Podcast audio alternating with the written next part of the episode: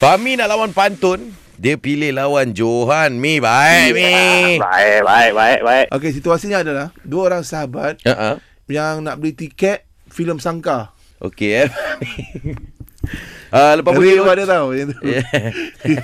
Eh, Nanti kita share trailer eh. Okey Fahmi uh, Lepas bunyi loceng awal start dulu Fahmi Okay. 3, 2, 1 Spontan Era Launch attack! Pokok nenas, pokok kelapa. Kau nak apa? Pokok kelapa, pokok sena. Ah, beli tiket kat mana?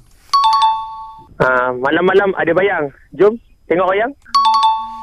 Ah, jumpa bayang, jangan lupa sapa. Menyapa, menyapa. Ah, sapa, ha. Ah.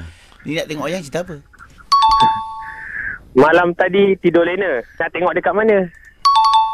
Tidur lena terbau arang. Ai. Ha, dia Ha, tidur ha. lena. Ada orang terbakar arang. Ui apa beba- Ah. Kebakaran terbuka ni Rumah sebelah hutan memanglah. Nak kan. sambung ni, nak sambung ni. Okey. Ah, nak tengok berapa orang.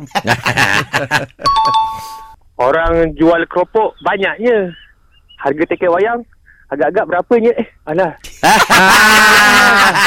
Aduh, kau ni buat jangan. Dia nak berapa ya Ah, Berapa ya Dia nya tadi tu Kau pantun apa ni? Itulah dia orang pasal dia, orang- dia orang nak pergi beli Lion King ni.